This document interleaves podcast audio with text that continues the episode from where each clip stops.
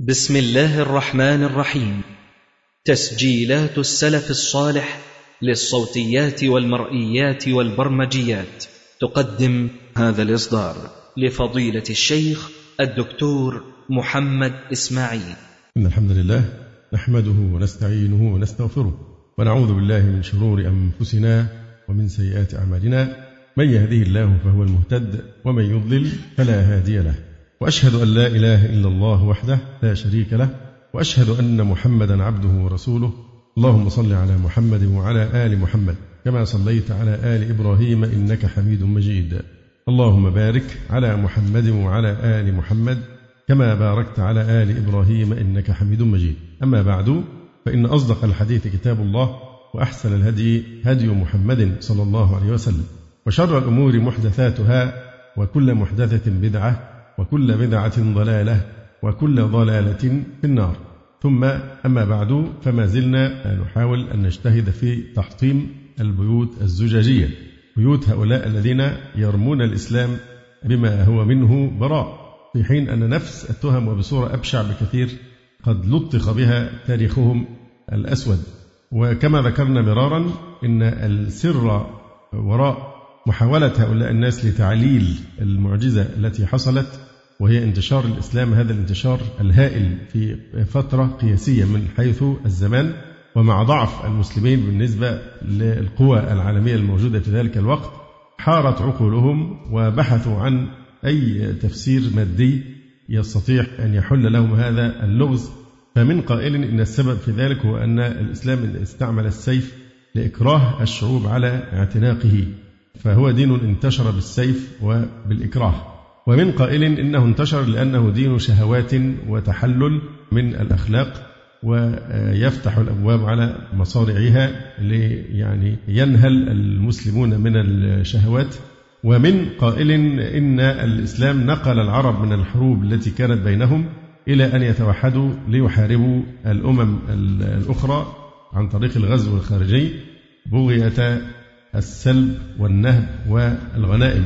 منهم من قال إنهم هربوا وفروا من الطقس الحار في الجزيرة العربية طلبا للنسيم العليل والهواء الجميل والبساتين الخضراء وإلى آخره. وقد ناقشنا من قبل الرد على بعض هذه المفتريات التي أعتبر أبلغ رد عليها هو أنكم بعضكم الآن يضحك ونحن نتلو هذه الشبه يعني المتهافتة. قبل أن نوسع هذه المسألة ونشبعها بحثا الشاعر يقول شهد الأنام بفضله حتى العدا والفضل ما شهدت به الأعداء. فنحن نأتي الآن بشهود من أهلها وهم أصدق الشهود لأن هؤلاء ومنهم من يعادي الإسلام عداء شديدا. يعني ويطعن في الإسلام وفي القرآن وفي الرسول صلى الله عليه وآله وسلم. فنجمع هنا بعض الشهادات من خصوم الإسلام سواء من رؤوس الكفر ممن طعنوا في الدين وألفوا مهاجمين الإسلام ولكنهم تحلوا بشيء من الإنصاف في هذه القضية التي نحن بصددها. ومنهم من اعتنق الإسلام وصار مسلما عن طواعية. أشهر من كتب عن الإسلام توماس أرنولد وهو كاتب إنجليزي معروف في أواخر القرن الماضي وكتابه المشهور والمشهور جدا الدعوة إلى الإسلام. كلامه كثير جدا لكن فقط سأنتزع العبارات التي لها صلة بموضوع الإسلام والسيف أو التي لها صلة بتفسير هذه الظاهرة المعجزة معجزة انتشار الإسلام بهذه السرعة في آفاق الأرض.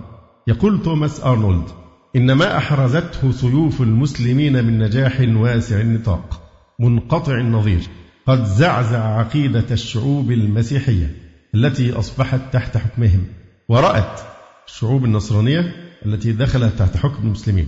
ورأت أن هذه الفتوح قد تمت بعون من الله. تفسير الحقيقي بقى.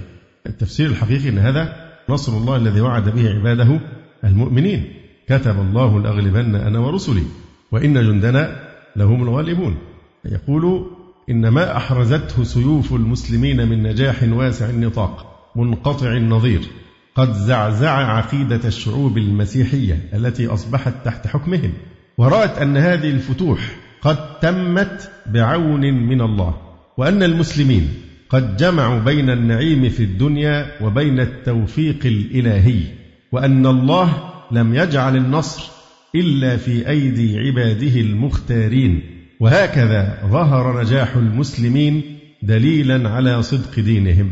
يقول أيضا في موضع آخر وكان المثل الأعلى الذي يهدف إلى أخوة المؤمنين كافة في الإسلام من العوامل القوية التي جذبت الناس بقوة نحو هذه العقيدة. المساواة بين البشر عدم أي نوع من التمييز الطبقي أو العنصري أو كذا فكل من يدخل في الإسلام يصبح جزءا من هذه الأمة لا بمفهوم الأمة الجغرافي أو الوطني أو التراب أو كذا وإنما أخوة العقيدة. يرى أن هذا أيضا من الأسباب التي جعلت الناس تنجذب إلى الإسلام. اسمع أيضا هذه العبارة القوية من توماس أرنولد. يقول لم نسمع لم نسمع عن أية محاولة مدبرة لإرغام الطوائف من غير المسلمين على قبول الإسلام. فيش مرة واحدة ثبت أن أحدا من غير المسلمين أكره على الدخول في الإسلام كما قلنا مرارا لأن الإسلام المكره إسلام باطل لا يعتد به ولا تترتب عليه آثار لا يصح إيمان الإنسان المكره. يقول توماس أرنولد لم نسمع عن أية محاولة مدبرة لإرغام الطوائف من غير المسلمين على قبول الإسلام أو عن أي اضطهاد منظم قصد به استئصال الدين المسيحي ولو اختار الخلفاء تنفيذ إحدى الخطتين خطة الإيه؟ إرغام الناس على الدخول في الإسلام أو اضطهاد النصارى مثلا لاستئصالهم لو اختار الخلفاء تنفيذ إحدى الخطتين لاكتسحوا المسيحية بتلك السهولة التي أقصى بها فرديناند وإيزابيلا دين الإسلام من أسبانيا أو التي جعل بها لويس الرابع عشر المذهب البروتستانتي مذهبا يعاقب عليه متبعوه في فرنسا أو بتلك السهولة التي ظل بها اليهود مبعدين عن إنكلترا مدة خمسين وثلاثمائة سنة. وكانت الكنائس الشرقية في آسيا قد انعزلت انعزالا تاما عن سائر العالم المسيحي الذي لم يوجد في جميع أنحائه أحد يقف إلى جانبهم باعتبارهم طوائف خارجة عن الدين يعني ما كانش هيبان لهم صاحب يعني لو لو لو المسلمين كانوا ذبحوهم كان في انعزال كامل بين الكنائس الشرقية والغربية بحيث ما حدش هيقف جنبهم ويدافع عنهم. فكان الخلفاء ممكن بمنتهى السهوله لو سلكوا مسالك النصارى مع المسلمين في الأندلس أو مسلك لويس الرابع عشر ضد البروتستانت في فرنسا مجازر هائلة حصلت.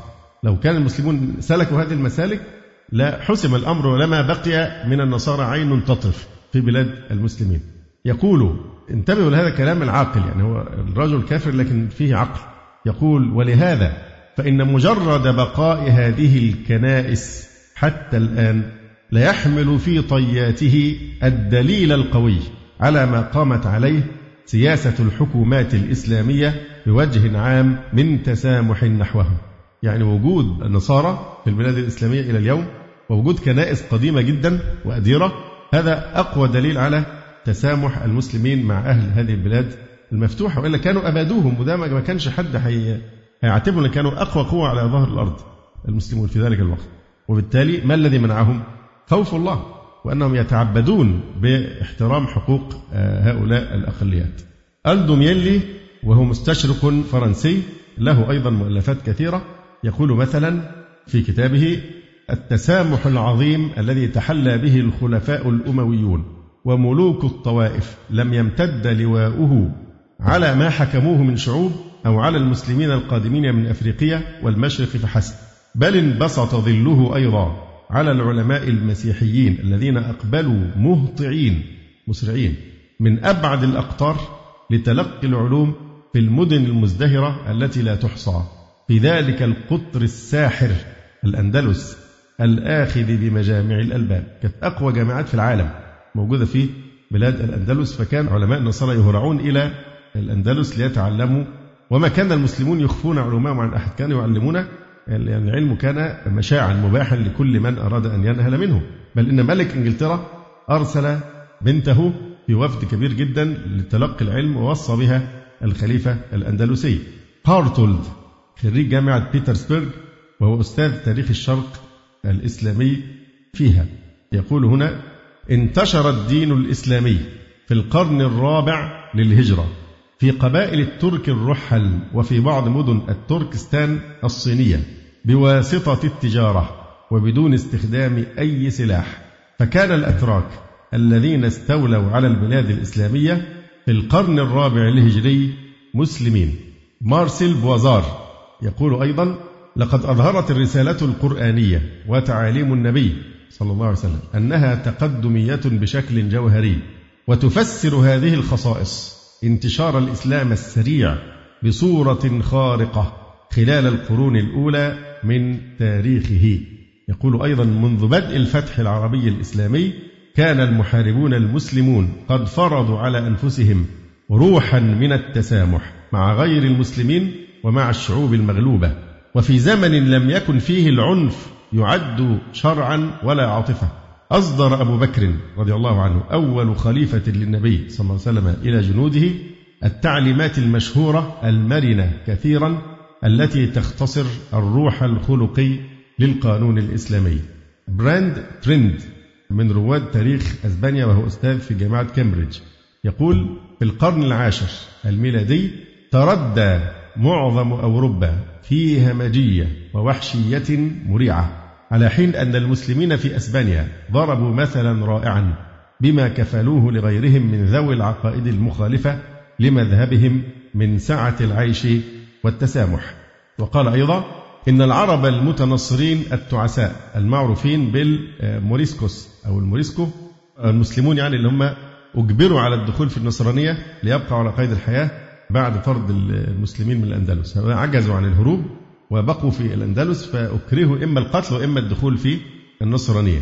ومع ذلك لم يلاقوا معاملة فيها أي نوع من المساواة بل كانوا يضطهدون اضطهادا شديدا جدا باعتبار أن أصلهم إسلامي رغم أنهم أظهروا الارتداد إلى النصرانية يقول إن العرب المتنصرين التعساء المعروفين بالموريسكو لقوا من المسيحيين من المعاملة السيئة ما لا يقابله إلا ما لقيه المسيحيون من المسلمين من التسامح في مرحلة سابقة من تاريخ أسبانيا الإسلامية.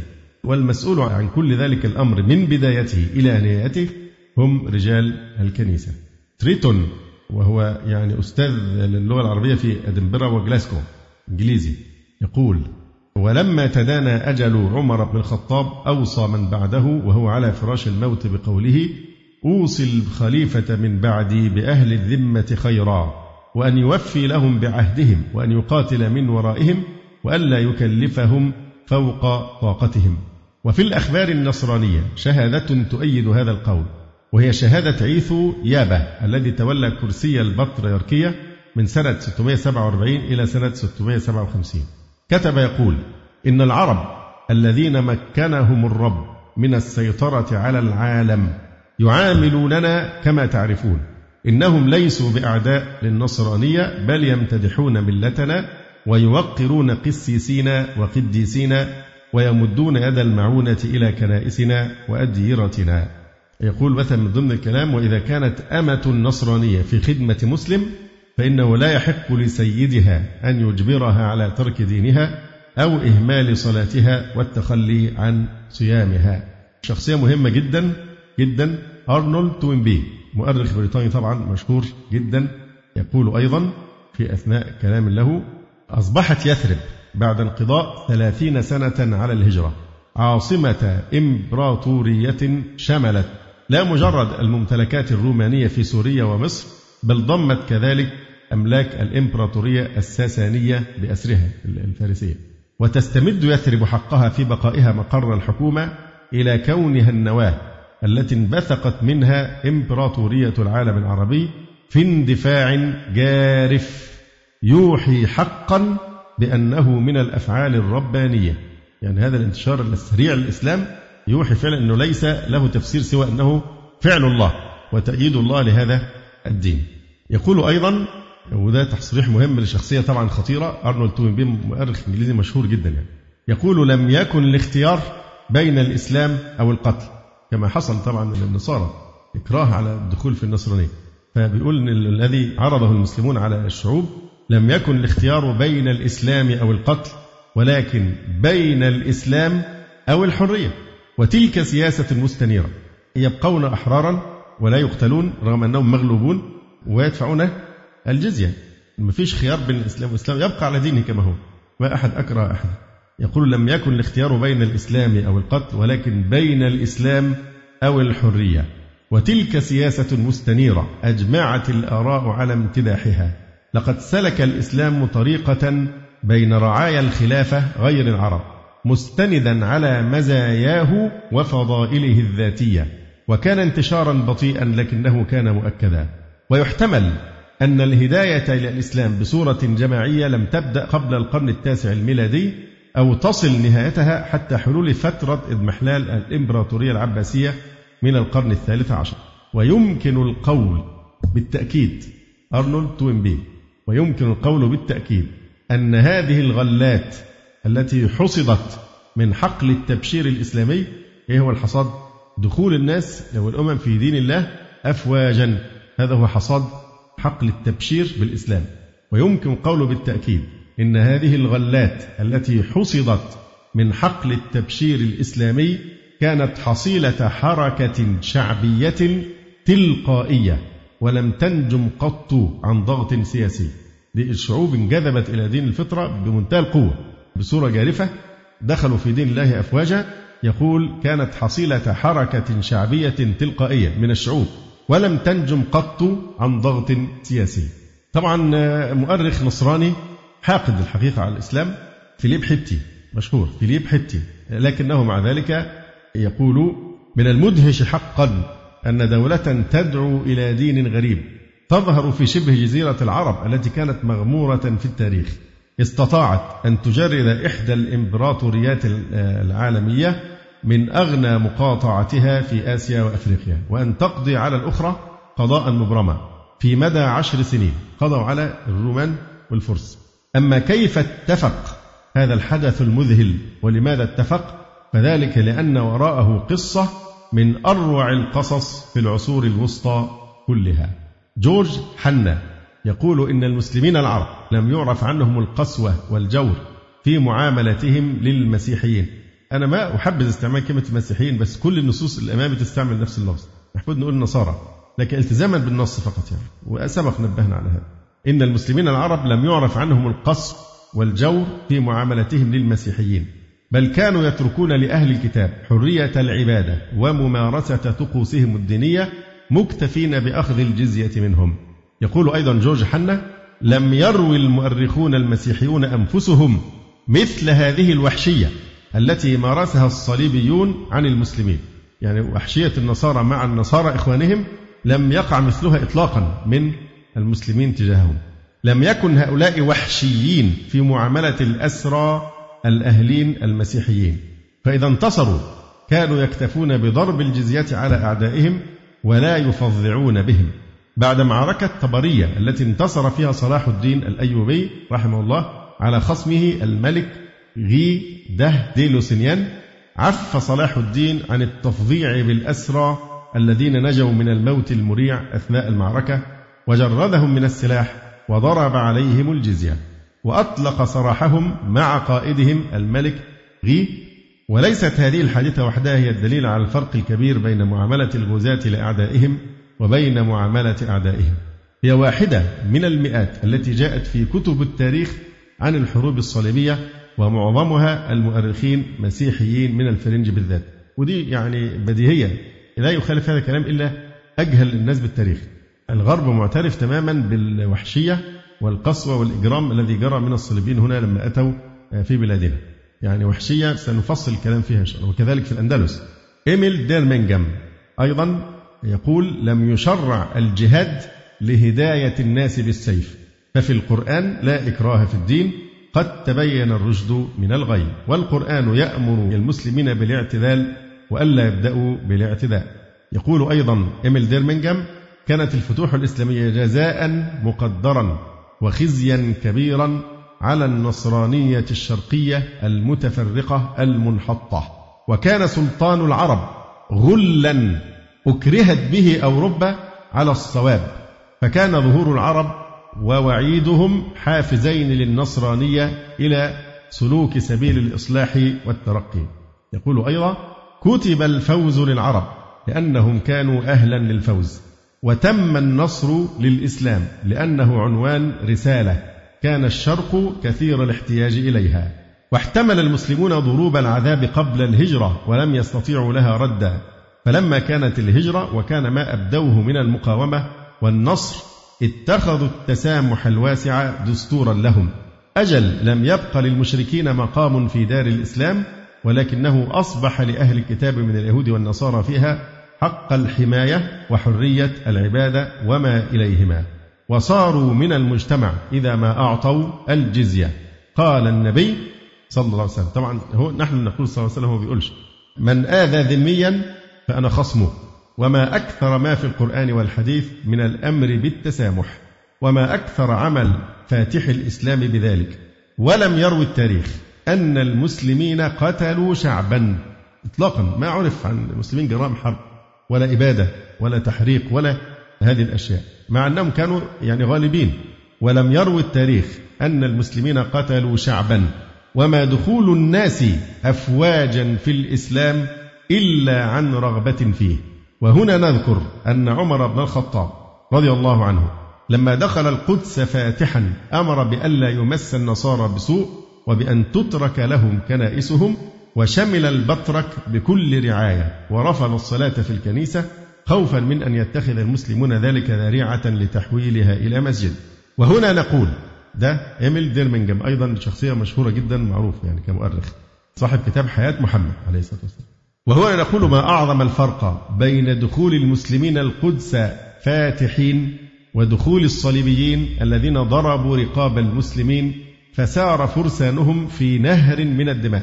الخيول وده شيء صعب يصدق لكن ده الواقع وحكاه مؤرخون من الغرب النصارى الخيول كانت الدماء تصل إلى ركبها بحر من الدماء في الشوارع من كثرة القتل في المدنيين وكانوا يعطونهم العهود بالأمان ثم بعد ما يستسلمون لهم يقومون بذبحهم فجرت الخيول إلى ركبها في دماء المسلمين من الغدر والوحشية النصارى. يقول فسار فرسانهم في نهر من الدماء التي كانت من الغزاة ما بلغت به ركبهم وعقد النية على قتل المسلمين الذين تفلتوا من المذبحة الأولى. هنري دي كاستري يقول أيضا إن أتباع محمد صلى الله عليه وسلم هم وحدهم الذين جمعوا بين المحاسنة ومحبة انتشار دينهم. وهذه المحبة هي التي دفعت العرب في طريق الفتح وهو سبب لا حرج فيه. فنشر القرآن جناحيه خلف جيوشه المظفرة إذ أغاروا على الشام وساروا سير الصواعق إلى أفريقيا الشمالية من البحر الأحمر إلى المحيط الأطلنطي. ولم يتركوا أثرا للعسف في طريقهم لم يعتسفوا أبدا مع أحد أو يكرهوه أو يظلموه لم يتركوا أثرا للعسف في طريقهم. إلا ما كان لا بد منه في كل حرب وقتال. فلم يقتلوا أمة أبت الإسلام. فكلما التقى المسلمون بأمة خيروها بين واحد من ثلاث الإسلام أو الجزية أو تحكيم الحرب حتى تضع أوزارها. وهكذا كانت الأوامر التي زود بها أبو بكر الصديق خالد بن الوليد رضي الله عنهما حين أنفذه إلى الشام. يقول أيضا إذا انتقلنا من الفتح الأول للإسلام إلى استقرار حكومته استقرارا منظما رأيناه أكثر محاسنة إحسانا وأنعم ملمسا بين مسيحي الشرق على الإطلاق. فما عارض العرب أبدا شعائر الدين المسيحي بل بقيت روما نفسها حرة في المراسلات مع الأساقفة الذين ما زالوا يرعون الأمة الخالية. يعني كانت تحصل مراسلات بين النصارى وبين قيادتهم الدينية في روما. وكان الوئام مستحكما بين المسلمين والمسيحيين. ومع هذه المسالمة العظيمة من جانب المنتصر مع المغلوب ضعفت الديانة النصرانية جدا ثم زالت بالمرة من شمال أفريقيا. انتبهوا لهذه العبارة. يقول ولم يكره أحد على الإسلام بالسيف ولا باللسان بل دخل القلوب عن شوق واختيار. وكان نتيجة ما أودع في القرآن من مواهب التأثير والأخذ بالألباب. نعم، قد اعتنق الإسلام قوم مشوا وراء منافعهم، ولكنهم قليلون بجانب من أسلم عن اعتقاد صادق وميل صحيح. وصار من اللازم أن يثبت الإسلام لمن أراده على يد القاضي، ويحرر بذلك محضر يذكر فيه أن المسيحي اعتنق الإسلام عن اعتقاد تام غير خائف ولا مكره. صار من التقاليد المتكررة. لابد من محضر يصرح فيه بأنه إيه؟ لم يكره على الإسلام. إذ لا يجوز أن يكره أحد على تغيير دينه. ويقول أيضا هنري دي كاستري قرأت التاريخ كله وكان رأيي بعد ذلك أن معاملة المسلمين للمسيحيين تدل على ترفع في المعاشرة عن الغلظة وعلى حسن المسايرة. ولطف مجاملة وهو إحساس لم يشاهد في غير المسلمين آنذاك. يقول أيضا إن الدين الإسلامي لم ينتشر بالعنف والقوة بل الأقرب للصواب أن يقال إن كثرة مسالمة المسلمين ولين جانبهم كان سببا في سقوط المملكة العربية. ومن المظنون أن المسلمين لو عاملوا الأندلسيين مثل ما فعل المسيحيون بالأمم السكسونية لأخلدت إلى الإسلام واستقرت عليه. يعني لو كان لما دخل الأندلس اقتدوا بالنصارى وما فعلوه مع الساكسون كما سيأتي مذابح يا إسلام يا ذبح فورا بالآلاف والملايين. لو كان المسلمين دخلوا الأندلس فعلوا هذا وأكرهوهم على اعتناق الإسلام لما سقطت دولة الإسلام في الأندلس. يقول ومن المظنون أن المسلمين لو عاملوا الأندلسيين مثلما فعل المسيحيون بالأمم السكسونية لأخلدت إلى الإسلام واستقرت عليه لأنها مع تمتعها بحرية دينها المسيحي كانت كثيرة الانشقاق والأحزاب.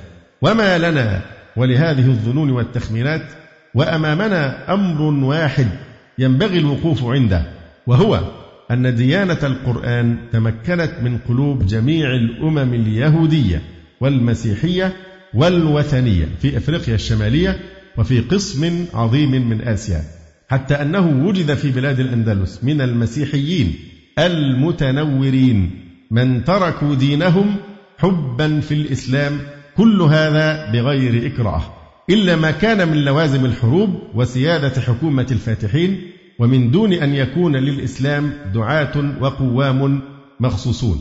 يعني ما عندناش جيش تبشيري زي اللي موجود عند النصارى في القديم والحديث. يمول بالأموال وأجهزة الدعاية وكذا وكذا والمطبوعات والمستشفيات للتجارة بآلام الناس وجذبهم إلى النصرانية. كما هو معلوم أسلحة التبشير مدفع مع الإنجيل. يقول هنا وأمامنا أمر واحد ينبغي الوقوف عنده وهو أن ديانة القرآن تمكنت من قلوب جميع الأمم اليهودية والمسيحية والوثنية في أفريقيا الشمالية وفي قسم عظيم من آسيا حتى أنه وجد في بلاد الأندلس من المسيحيين المتنورين. من تركوا دينهم حبا في الإسلام كل هذا بغير إكراه. إلا ما كان من لوازم الحروب وسيادة حكومة الفاتحين ومن دون أن يكون للإسلام دعاة وقوام مخصوصون. وهو ما يقنعنا بأن الإسلام جاذبية وقوة انتشار لأنه لا يزال ينتشر حتى الآن. يعني الآن لا يوجد سلطة للمسلمين. المستضعفون في معظم آفاق الدنيا. وليس لهم دولة مستقلة دينية كالفاتيكان مثلا ولا نفس الإمكانيات. ومع ذلك باعتراف كل قوى الكفر على مستوى العالم هو أسرع الأديان انتشارا الآن في العالم. من الذي يكره هؤلاء على الدخول في الإسلام؟ ما الذي أكره مئات الجنود الأمريكان حينما أتوا لغزو العراق أن يدخلوا في الإسلام؟ أو ألاف منهم. ومعدل انتشار الإسلام طبعا هذا حديث سنتحدث عنه. من اللي بيكره هؤلاء؟ وهم قوم أحيانا من كبار المفكرين والفلاسفة والقواد والدبلوماسيين ونحو ذلك.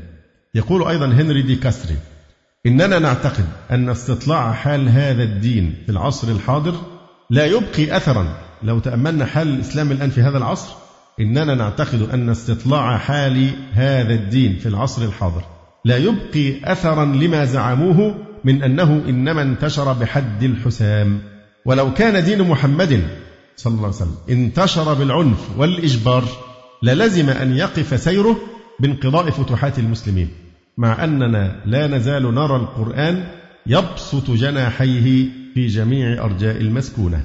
أتين دينيه في كتاب له اسمه أشعة خاصة بنور الإسلام. ساعات الواحد يقرأ لبعض المستشرقين أو الأجانب دول الغربيين وأتعجب أقول يعني هل معقول ده ما أعلنش إسلامه؟ بيتكلموا عارفين زيجرد هونجا؟ زيغريد هونكا كاتبة ألمانية معروفة تكلم كلام عجيب مدهش. فأنا أستبعد تماما يعني كيف دي ما أعلنت إسلام. كما سيأتي أيضا في في كلام مستشرقة إيطالية. كلامها عجيب جدا في في مدح الإسلام يعني. لكن مع ذلك طبعا لا يعدم الإسلام منصفا حتى من إيه؟ من أعدائه. أتيين دينيه بيقول يقول ليس من فخار المسيحية أن تضم في تعدادها أولئك الذين يباعون لها من ولدان العبيد. يعني بيقول للتبشير نشاط التبشير النصراني ما تفرحوش بأن أنتم بتزودوا عددكم بتجيبوا أولاد يتامى تشتروهم أو أولاد العبيد وتاخدوهم في الملاجئ وتربوهم على النصرانية. فدول غلابة يعني نشأوا في البيئة النصرانية زي ما كانوا بياخدوا أطفال البوسنة والهرسك ويحطوهم في الكنائس عشان يربوهم على النصرانية. فبيقول لهم ده مش الفخر يعني اللي عايز يفخر يشوف المسلمين بيعملوا إيه. يقول ليس من فخار المسيحية. أن تضم في تعدادها أولئك الذين يباعون لها من ولدان العبيد ولا أولئك اليتامى الذين ينشأون في مهادهم نشأة دينية مسيحية. أما الذين يعتنقون الإسلام في وقتنا هذا من المسيحيين وغيرهم فإنما هم الخاصة يعني ناس متميزين في المجتمعات في علمهم وفي أوضاعهم سواء كانوا من الهيئات الاجتماعية الأوروبية أو الأمريكية. كما أن إخلاصهم في ذلك لا شك فيه لأنهم أبعد ما يكونون عن الأغراض المادية. علية القوم في أوروبا وأمريكا لما بيدخلوا في الإسلام أبعد ناس شبهة عن يكون المسلمين إيه؟ بيمولوهم عشان يشتروا عقيدتهم. لأنهم في أوضاع لا هم محتاجين ماديا ولا هم جهلة بحيث يخدعون بسهولة أو فيش عندنا أي أساليب إغراء يعني في الدخول في الإسلام. ومع ذلك واحد زي مراد هوفمان سفير ألمانيا في المغرب أو فلان أو فلان وسنأتي شرفي بعد بشيء من التفصيل عن رموز في هذه المجتمعات ومن كبار المفكرين والقواد ابن مدير البي بي سي مسلم أسلم من مدة. والإخوة الإنجليز يحكوا لي يقولوا يبقى ماشي جنب أبوه لابس القميص القصير قفطان قصير ولحية وطاقية وشيء من هذا وماشي مع أبيه يعني في بريطانيا هناك. فالإسلام بيجتذب حتى الفئة الخاصة. هو لا يميز طبعا بين طبقة وطبقة لكن هو هنا بيناقش إيه؟ إن أنتم بتاخدوا اليتامى وتربوهم في الكنيسه وتقولوا إن دول تنصروا أو تشتروا أولاد العبيد يباعون لكم وتحسبوهم في التعداد. لكن الفخار الحقيقي إن الإسلام طوعيه يدخل فيه علية القوم وأعلى أرفع القوم اجتماعيا وسياسيا وعلميا وهم الذين يدخلون في هذا الدين. أين الإكراه هنا؟ أين الإكراه؟ أين السلطة التي تكره هؤلاء الدخول في الإسلام مع ما يدفعونه من الثمن الباهظ؟ مراد هوفمان نفسه هدد بالفصل من السلك الدبلوماسي إذا أعلن اعتناقه الإسلام وذلك تحدى وأعلن اعتناقه وكتب كتب كثيرة جدا في الدفاع عن الإسلام. يقول أيضا أتيين دينيه إن الإسلام بلغ من تماسك بنائه ومن حرارة إيمان أهله ما جعله يبهر العالم بوثبته الهائلة التي لا نظن أن لها في سجلات التاريخ مثيلا ففي أقل من مئة عام ورغم قلة عددهم استطاع العرب الأمجاد وقد اندفعوا لأول مرة في تاريخهم خارج حدود جزيرتهم أن يستولوا على أغلب بقاع العالم المتحضر القديم من الهند إلى الأندلس. يقول أيضا أتيين دينيه المسلمون على عكس ما يعتقده الكثيرون لم يستخدموا القوة أبدا خارج حدود الحجاز لإكراه غيرهم على الإسلام. وإن وجود المسيحيين في أسبانيا لدليل واضح على ذلك فقد ظلوا آمنين على دينهم طوال القرون الثمانية التي ملك فيها المسلمون بلادهم. وكان لبعضهم مناصب رفيعة في بلاط قرطبة. ثم إذا بهؤلاء المسيحيين أنفسهم يصبحون أصحاب السلطان في هذه البلاد فكان أول هم لهم أن يقضوا قضاء تاما على المسلمين. ثم يقول أيضا إن القدوة الحسنة التي لا تقترن بمحاولة التبشير المتعصبة بيقارن بين أسلوب اللي بيسموه المنشرين أو المنصرين وبين القدوة الحسنة الحية التي كان يقدمها المسلمون في تعاملاتهم مع الشعوب. بيشير لكلمة إيه؟ إن, إن المسلمين في سلوكياتهم كقدوة مش واحد بقى بيضبط نفسه عشان الناس تقول الله ده الإسلام جميل وبيمثل إن هو متسامح وكذا عشان لا ده سلوك تلقائي جدا لأن عبادة. ولذلك أكرر كثيرا جدا يعني النصارى لو فقوا لو كان عندهم عقول لطالبوا بأن يعودوا من جديد أهل ذمة ويبقى يحكمون بالإسلام. لأن لما تقارنوا وسوف نعقد بعض الدروس في هذا وضع التسامح الحقيقي في داخل المجتمع الإسلامي مع الأقليات شيء لا يحلمون به. بدل الاستقواء بأمريكا والتآمر على أوطانهم لو حكم الإسلام لا تضاعفت حقوقه. مش كده وبس ده يصبح كل مسلم مؤتمن على أن يحافظ على هذه العدود لأنهم ذمة الله وذمة رسوله عليه الصلاة والسلام. وعبادة يعتبر رعاية حقوق أهل الذمة عبادة من العبادات. فالمسلم يعني يراعيها ويحفظ ذمة الله تبارك وتعالى. فهنا هو بيقارن بين التمثيل اللي بيعمله المبشرين ويستغلوا آلام الناس وفقرهم وجوعهم وحاجتهم لاجتذاب إلى النصرانية المستشفيات والكتب والأكل وهذه الأشياء. وبين القدوة الإسلامية يعني أنا بيقفز إلى ذهني حادثتان. بمناسبة استغلال الفقر والجهل والمرض طبعا إندونيسيا باعتبارها أكبر دولة إسلامية من حيث التعداد. النشاط التبشيري فيها خطير جدا جدا يعني. استغلال حاجة الناس. وطبعا عارفين قصة تيمور الشرقية التي بترت من جسد إندونيسيا بعد المؤامرة العالمية المعروفة. في إندونيسيا نجح المنصرون في أن يكتسبوا مجموعة كبيرة جدا من فقراء المسلمين الذين لا يملكون القوت. كانوا يعطوهم بقى الأرز والطعام والألبان والسمن والمؤن الغذائية. ليجتذبوهم إلى داخل الكنيسة ويدعوهم إلى النصرانية. فانقادوا لهم وأظهروا أنهم مقتنعون بدينهم النصراني وأنهم خلاص يعني. وحددوا لهم ميعاد عشان حفلة الإيه؟ تعميد تغطيس. طبعا الناس بسطاء جدا يعني. وجايين عشان ياخدوا الحاجات من شدة الفقر والحاجة. فالمهم القسيس ألقى كلمة وقال إن أنتوا خلاص يعني على وشك تدخلوا دلوقتي في دين المسيح. فكل واحد منكم يتمنى أمنية نحققها له. كلهم في صوت واحد عايزين نحج إلى مكة. يعني بدون أي تكلف أمنية أي مسلم يعني فقير إيه إيه أعظم أمنية يتمناها؟ إنه يتمنى يحج ففي صوت واحد صرخوا بكلمة الحج إلى بيت الله الحرام. قصة ثانية كان حكاها المهندس محمد توفيق رحمه الله تعالى عن واحد مناصر اسمه جلوي. المهم كان في كنيسة مشهورة في القاهرة قديمة وكانت بتمارس نشاطا تنصيريا. فالراجل الأسيس الأساسي اللي كان ماسكها فشل فشلا ذريعا. ما عرفش يجيب أي يجتذب أي مسلمين.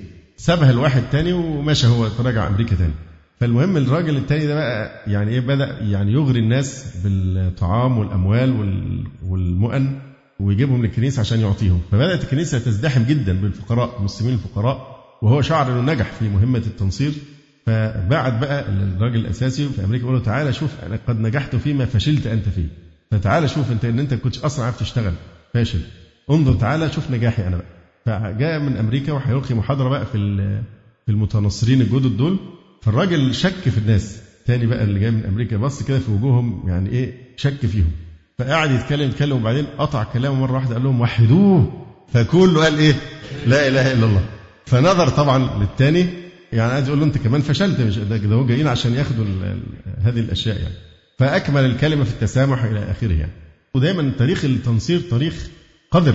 تاريخ ملطخ بالجرائم. دايما هو زي ما بيسميها الدكتور محمد عمارة التبشير بالمدفع والإنجيل الاثنين مع بعض. وعملوا جرائم يعني بشعة في بلاد المسلمين في سبيل إقحام الناس في الدخول في دينهم بالإكراه أو باستغلال واستثمار آلامهم. انظر إلى آتيين دنيدا بيقول إيه؟ بيقول إن القدوة الحسنة التي لا تقترن بمحاولة التبشير المتعصبة. المسلمين كانوا أخلاقهم حسنة لأن هذا هكذا هم وهكذا كان دينهم. فمش بيحسنوا أخلاقهم عشان يصطادوا الناس. لا دي طبيعتهم تلقائية إن القدوة الحسنة التي لا تقترن بمحاولة التبشير المتعصبة لهي أقوى أثرا في النفوس التقية من مضايقات القصص المبشرين. ولقد اضطر العالم دوزي رغم تعصبه ضد الإسلام إلى الاعتراف بأن الكثير من المسيحيين الذين كانوا في أسبانيا اعتنقوا الإسلام عن عقيدة. القاعدة التي يجري عليها المسلم في علاقته بأصحاب الديانات الأخرى هي تلك التي حددها القرآن الكريم في قوله تعالى لكم في الآية التالية لكم دينكم ولي دين وكيف لا يكون المسلم متسامحا وهو يجل الأنبياء الذين يجلهم اليهود والنصارى؟ فموسى بالنسبة إليه كليم الله وعيسى روح الله.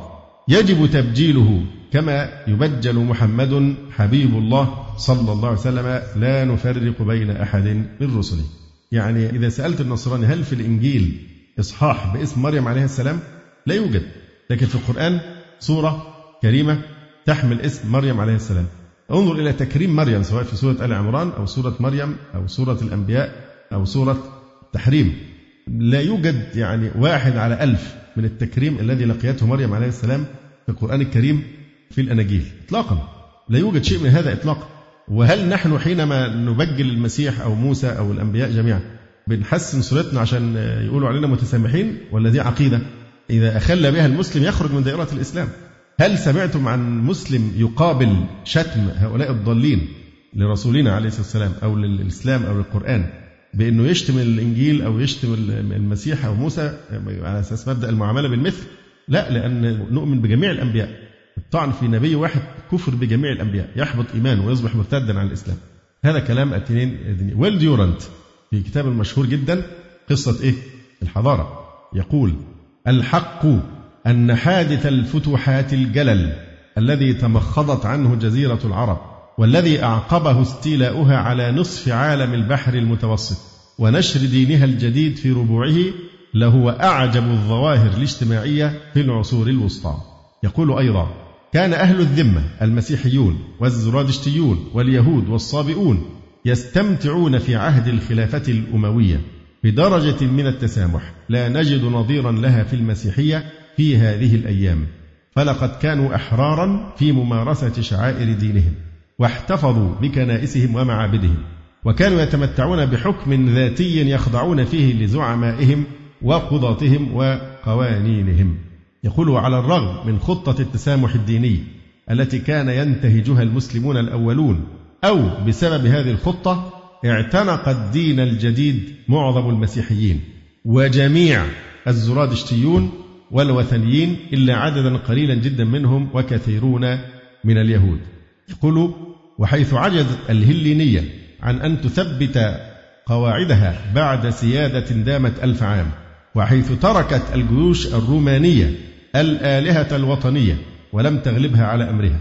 وفي البلاد التي نشأت فيها مذاهب مسيحية خارجة على مذهب الدولة البيزنطية الرسمي فإن هذه الأقاليم كلها انتشرت فيها العقائد والعبادات الإسلامية وآمن السكان بالدين الجديد وأخلصوا له واستمسكوا بأصوله إخلاصا واستمساكا أنساهم بعد وقت قصير آلهتهم القدامى.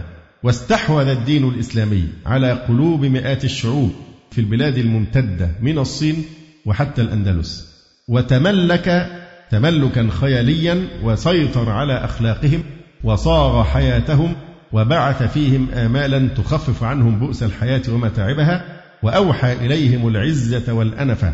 حتى بلغ عدد من يعتنقونه ويعتزون به في هذه الأيام مئات الملايين من الأنفس. يوحد هذا الدين بينهم ويؤلف قلوبهم مهما يكن بينهم من الاختلافات والفروق السياسية. ويل ديوران طبعا ده شخصية يعني من الشخصيات المعظمة جدا في الغرب وأشهر كتب كما هو معلوم إيه؟ قصة الحضارة.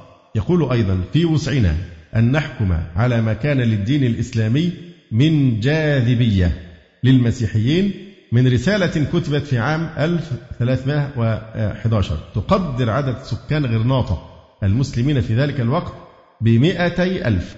كلهم ما عدا خمسمائة منهم من أبناء المسيحيين الذين اعتنقوا الإسلام وكثيرا ما كان المسيحيون يفضلون حكم المسلمين على حكم المسيحيين.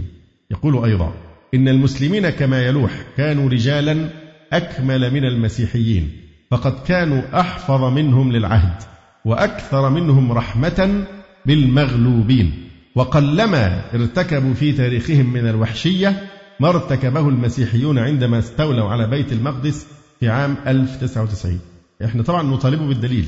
على كلمة قلمة قلمة فين؟ مين حكى أن المسلمين عملوا مذابح وحشية أو جرائم يعني حرب كما يقولون. فكلمة قلمة مش في محلها. لأنهم لم يرتكبوا شيء. لم يعرف في تاريخ المسلمين أبدا في حروبهم أي نوع من الوحشية إطلاقا. فكلمة وقلما ارتكبوا دي فيها نظر يعني. بيجي رودريك. يقول أيضا انظر إلى أي مدى يحترم الإسلام ويوقر الأديان الأخرى ويسمح في ظل الدولة المسلمة بممارسة كافة الشعائر الدينية. فالنصارى واليهود هم أهل ذمة عند المسلمين ما لم يحاربوهم. وقد تمتعوا عبر التاريخ الإسلامي الطويل بكافة امتيازات المواطنين ولم يحدث أن سمعوا كلمة تسيء إليهم. يقول أيضا بيجي رودريك ما أن كان الإسلام يدخل بلدا من البلدان المفتوحة حتى يقبل أهلها جميعا على اعتناقه. ويعاملون معاملة الفاتحين سواء بسواء يصبحون سواسية. ومن احتفظ منهم بدينه لقي أكرم معاملة.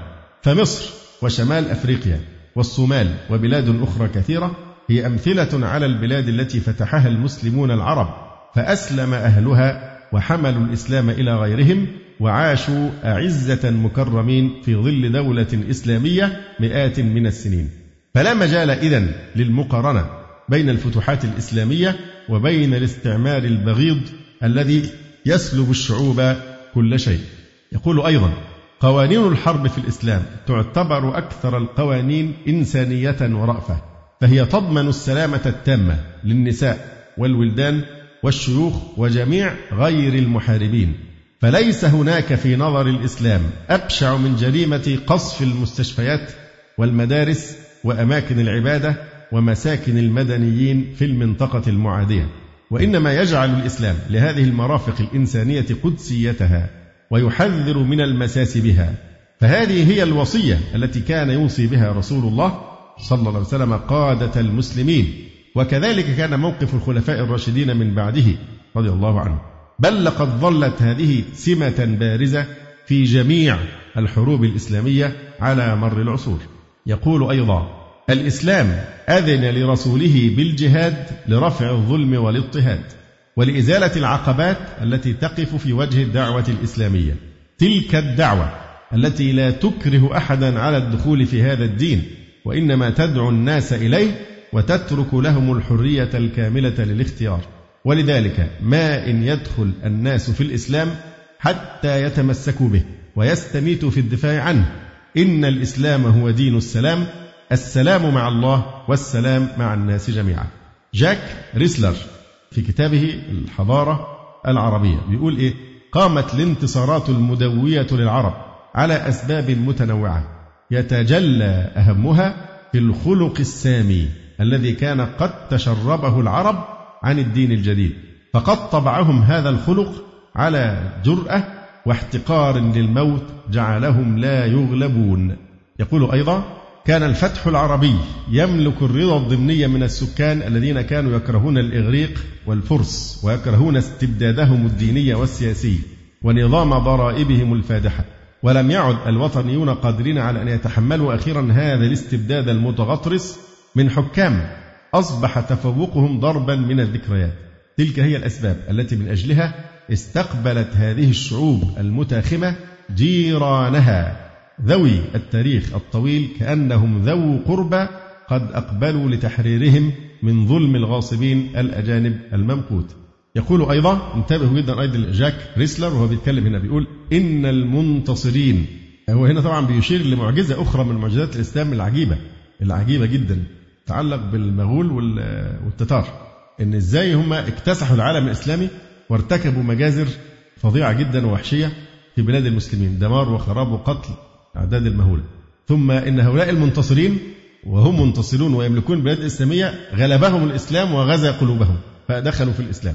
الترك والمغول بعد ذلك صاروا من أعظم جنود الإيه؟ الإسلام. هل هنا بقى في أي شبهة إكراه؟ ده هم اللي منتصرين وهم الذين ذبحوا الأعداد الهائلة من المسلمين. يقول جاك ريسلر إن المنتصرين سيعتنقون دين المغلوبين الذين أنهكوهم وسوف يجعلون من أنفسهم مدافعين بحماسة عن هذا الدين. وتثير هذه الظاهرة العجب لكنها ليست من الندرة في تاريخ العالم الإسلامي. هي عجيبة ومش نادرة لأن في تاريخ المسلمين حدثت مرارا. لقد كان هذا بالنسبة للأتراك السلجوقيين ثم بالنسبة لأبناء عمومتهم المغول بعد ذلك في القرن الثالث عشر الميلادي وأخيرا بالنسبة للأتراك العثمانيين في القرن الرابع عشر. وسيظفر الدين الإسلامي بألمع انتصار طيلة الأزمنة الممعنة في ظلال الفشل والغزو. يعني بيقول حتى المسلمين لما يكونوا في حالة فشل وغزو عقيدتهم أيضا تغزو قلوب من إيه؟ من يغزوهم. يمكن أقرب مثال هو الجيوش الأمريكية في العراق والمئات منهم إن لم يكن آلاف اعتنقوا الإسلام. فطبعا شيء يلفت النظر جدا. فين الإكراه هنا؟ أين الإكراه؟ جورج سارتون يقول إن تفاصيل تلك الجهود المدهشة في الفتح الإسلامي تهم المؤرخين السياسيين. ولكن الحالة النفسية للأسس التي تقوم عليها تلك الفتوح فيما يتعلق بالجانبين بالعرب ثم بالروم والفرس هي ذات أهمية كبرى لمؤرخي العلم. لقد سبق للإيمان المسيحي أن تزلزل بالمنازعات اللاهوتية التي امتدت قرونا عديدة والحرمانات المتبادلة. كل ما فرقتين يختلفوا مع بعض بيطلعوا قرار إيه؟ حرمان من الجنة ويكفروا المخالفين. هم كلهم محرومين طبعا إذا بقوا على هذا الكفر. يقول فقاد ذلك إلى أن استقبل النصارى في الشرق الأوسط جيوش الفاتحين المسلمين على أنها منقذة لهم من استبداد الكنيسة الأرثوذكسية ثم إن الإسلام كان لا يزال غضا موحدا كما أن المجاهدين المسلمين كانت تملك عليهم لبهم آمال عظام وكان الإيمان في الإسلام بسيطة كريما ومعتدلا ومن ذلك فقد كان بالإمكان أن تشيع فيه الحماسة حين البأس إلى حد بعيد. فينقلب المجاهدون حينئذ ذوي حمية إما أن يبلغوا بها الظفر أو أن يسقطوا دونه شهداء. لقد كان الظفر والاستشهاد عندهم سيين أو سيان يعني اللي هي إحدى الحسنيين. لوثروب ستودرد بيقول بقى وكلهم طبعا كما تلاحظون مؤرخين كبار جدا مشهورين قوي وعالميين وكلهم بيقروا إنها كانت معجزة. انتشار الإسلام شيء خارق للعادة. يقول كان لنصر الإسلام هذا النصر الخارق عوامل سعادة عليه. أكبرها أخلاق العرب وماهية تعاليم صاحب الرسالة صلى الله عليه وسلم. وشريعته والحالة العامة التي كان عليها الشرق المعاصر في ذلك العهد. لقد استطاع محمد صلى الله عليه وسلم وهو يبشر بالوحدانية تبشيرا عاريا عن زخارف الطقوس والأباطيل أن يستثير حق الاستثارة من نفوس العرب الغيرة الدينية الكامنة. وإذ هبوا لنصرة دعوة ابن عبد الله صلى الله عليه وسلم من بعد ما ذهبت من صدورهم الإحن المزمنة والعداوات الشديدة التي كان من شأنها من قبل الذهاب بحولهم وقوتهم وانضم بعضهم إلى بعض كالبنيان المرصوص تحت لواء الرسالة في رأسها نور للناس وهدى للعالمين أخذوا يتدفقون تدفق السيل من صحاريهم في شبه الجزيرة ليفتحوا بلاد الإله الواحد. يقول أيضا لم يمضي سوى اليسير من الزمن حتى كان السواد الأعظم من الأمم المغلوبة قد دخل في دين النبي العربي أفواجا إيثارا له على ذينك الدينين اللذين صارا غاية في الانحطاط والتدني ولم يكن العرب قط أمة تحب إراقة الدماء وترغب في الاستلاب والتدمير بل كانوا على الضد من ذلك أمة موهوبة جليلة الأخلاق والسجايا. ده في كتاب حاضر العالم الإسلامي لجورج سارتون. دي مهمة جدا. لوثروب ستودورد بيقول إيه؟ عند اعتبار شأن انتشار الإسلام هذا الانتشار يجب أن تعلم العلم اليقين أن كل مسلم هو بغريزته وفطرته مبشر بدينه ناشر له بين الشعوب غير المسلمة ما استطاع إلى ذلك سبيلا. وعلى ذلك وكثير جدا نجد كل مسلم بيشعر ان هو إيه؟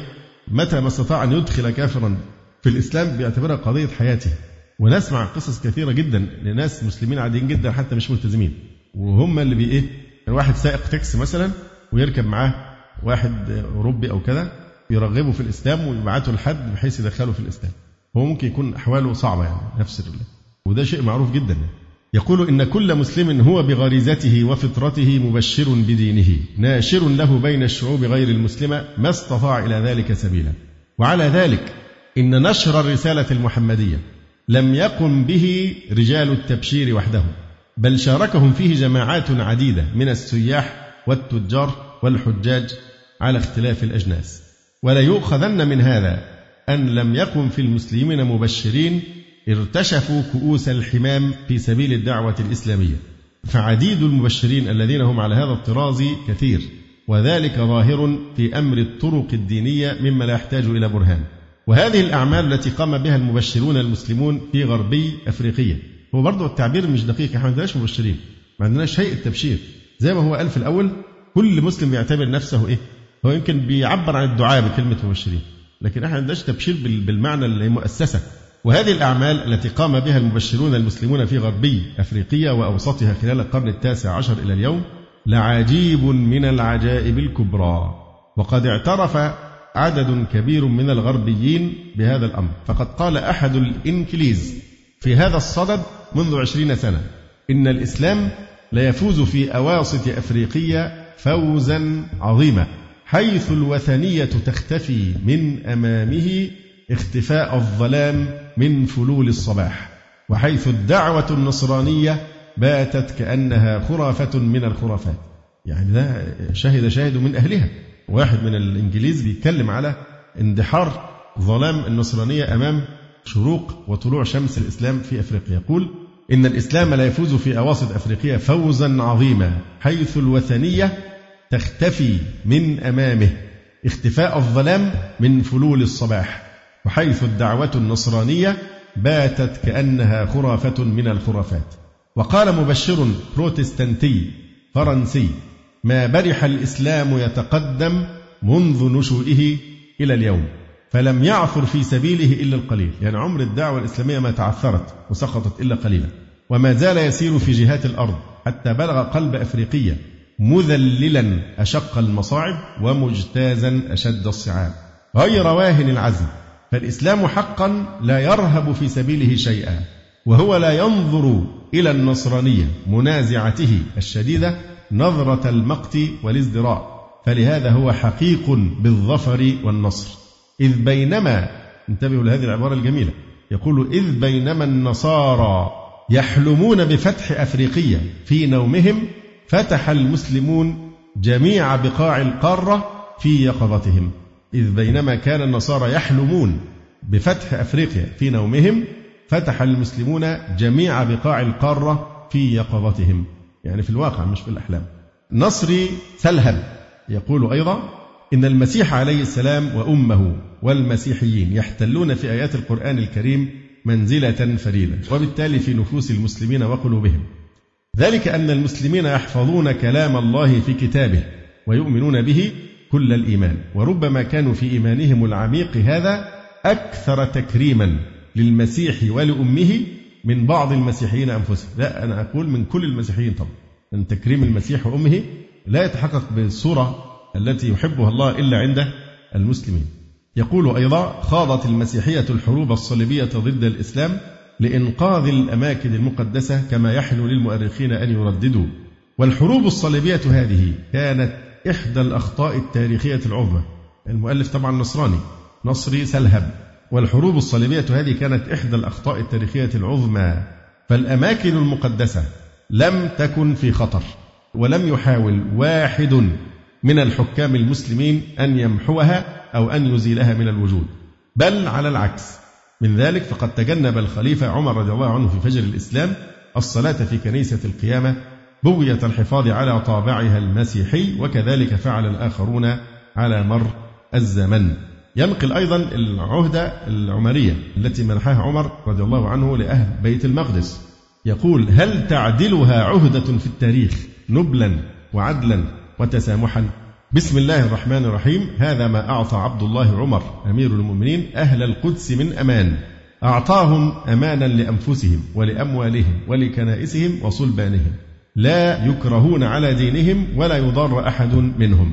يقول سلهب هذا النصراني أي خاسر حربا من حروب التاريخ حظي بمثل هذه العهدة من غالب منتصر؟ ويبقى المسلمون في الشرق وفي فلسطين بالذات ثلاثمائة سنة وألفا فلا يمس فيها للمسيحي أثر بل تستمر الكنائس والأماكن المقدسة في حرمة ومنعة. أحمد سوسة كتابه في طريقي إلى الإسلام. هذا أسلم. أنا غير متأكد هل هو كان يهوديا أم نصرانيا. لكن هو يقول إيه بقى بعد ما أسلم؟ يستحسن بأتباع موسى وعيسى عليهما السلام أن يراجعوا التاريخ الإسلامي ليقفوا على ما يأمر به الإسلام بشأن الرفق بالأطفال والنساء والشيوخ وغير المقاتلين بصورة عامة. ويثبت لنا التاريخ عدا ذلك أن المسلمين ساروا وفق شريعتهم القاضية بوجوب عدم مس الأطفال والنساء والشيوخ بكل أمانة وحرص حتى في الظروف التي كان فيها العدو المقابل يقتل الأطفال والنساء وغير المحاربين من المسلمين. ويقول أيضا وجد اليهود وقصتنا مع اليهود دي قصة لوحدها طويلة. اليهود يعني الناس بتتكلم على أعداء السامية كما هنشوف. ذاقوا الويل من النصارى مذابح وطرد ونفي. وفي كل مجزرة حصلت اليهود ما كانوا يجدون لهم مأوى سوى بلاد المسلمين سواء في الأندلس أو لما حصلت الطرد من الأندلس هرعوا إلى بلاد المغرب وبقاياهم موجودة إلى اليوم هرعوا إلى تركيا أو إلى بلاد المسلمين ورأوا الأمان. ولذلك لما الخبيث هذا بنديكت الملقب ببابا الفاتيكان لما عمل تصريحات من من مدة واثارت ضجه الغريب جدا إن الذي رد عليه أقوى رد رجل يهودي اللي هو رئيس جمعية السلام الآن أظن في فلسطين المحتلة. كتب يدافع عن المسلمين دفاعا مستميتا ان انتشار الإسلام بالسيف والقهر ده ما حصلش وبيكذب بنديكت هذا. وجايب أدلة على أن المسلمين كانوا هم الملجأ الوحيد لليهود كلما حصلت لهم المذابح والطرد والإبعاد. ودي تاريخ طويل يعني ومهم جدا أننا نطلع عليه. فيا ليتهم يعني لا يكون جزاؤنا منهم جزاء سنمار الذي يفعلونه الآن بإخواننا في فلسطين. هذه الوحوش المنتمية إلى البشر زورا. يقول أحمد سوسة أنا أنا غالب على ظني أنه كان يهوديا الحقيقة لكن محتاج أتأكد يعني. بيقول وجد اليهود تحت راية الإسلام أمنا وعدلا. اتقوا به شر الاضطهاد والاعتداء. وقد مضت عليهم قرون عديدة وهم في خير وثراء. يقول أيضا إن الإسلام انتبهوا هذا أيضا لأن عبارة مهمة جدا. لأحمد سوسة يقول إن الإسلام شريعة العدل والإنسانية وإنه ينطوي على مبادئ تفوق السيف في قوتها واستقامتها. وأن منهج اللطف في دعوته إلى حقيقة التوحيد يجتذب القلوب ويسحر العقول ويأسر الناس بلا سيف ولا قتال. الجاذبية الكامنة في جمال الإسلام نفسه. بشير أحمد شاد هذا أيضا كان نصرانيا وأسلم يقول السؤال الذي كان يقلقني هو أننا نحن النصارى نزعم أن الإسلام انتشر بحد السيف. فقلت لنفسي فلماذا تقبل الناس الإسلام ولا يزالون يعتنقونه في كل ركن من العالم؟ لماذا يهتدي الناس في كل بلد إلى هذا الدين كل يوم دون إكراه أو جبر من أي نوع؟ يقول أيضا بشير أحمد شاد لم يحدث قط في حياتي أن لقيت أو سمعت عن رجل واحد من غير المسلمين أكره على الدخول في الإسلام قسرا الخونة الأقباط المهجر الخونة اللي بيستقوا بأمريكا كل شوية بيذيعوا أكاذيب وهم فنانون في الكذب أن المسلمين يخطفون بناتهم ويكرهونهم على الدخول في الإسلام.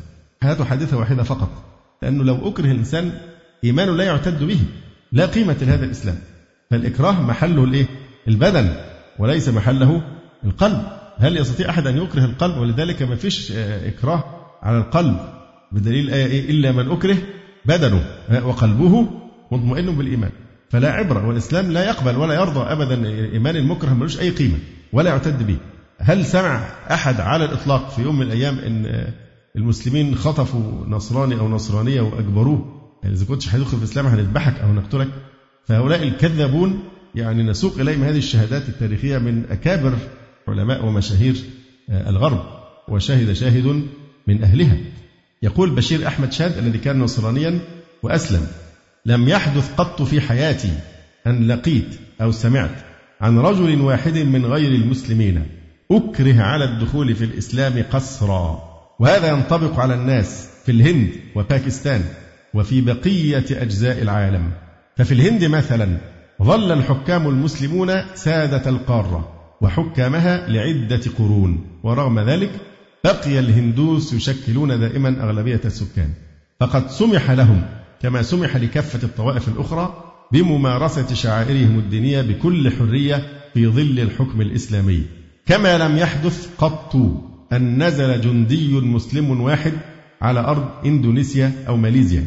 ومع ذلك فالغالبية العظمى من الشعب الإندونيسي هم من المسلمين وأكثر من نصف سكان ماليزيا مسلمون. فكيف يزعمون أن الإسلام انتشر بالسيف؟ لقد وجدت على العكس من ذلك أن الإسلام هو دين الرحمة والحب والتعاطف الإنساني. وهذه كلها اتهامات جائرة ومفتريات لا أساس لها من الصحة وهذه نقطة أخرى من أجلها اعتنقت الإسلام.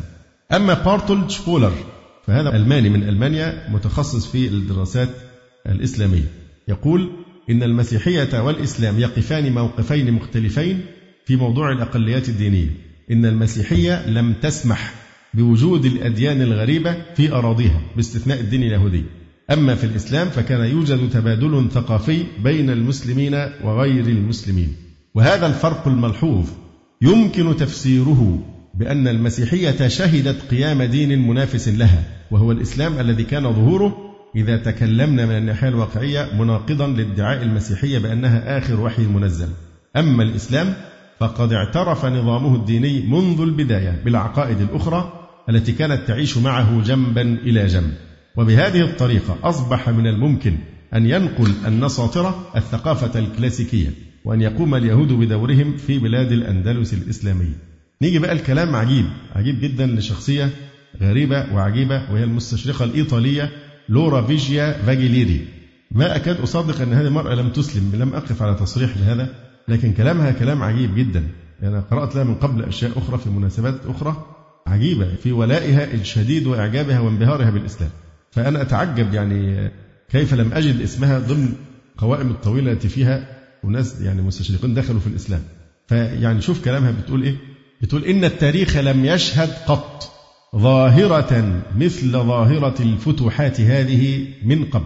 ومن العسير على المرء أن يقدر السرعة التي حقق بها الإسلام فتوحه والتي تحول بها من دين يعتنقه بضعة نفر من المتحمسين إلى دين يؤمن به ملايين الناس.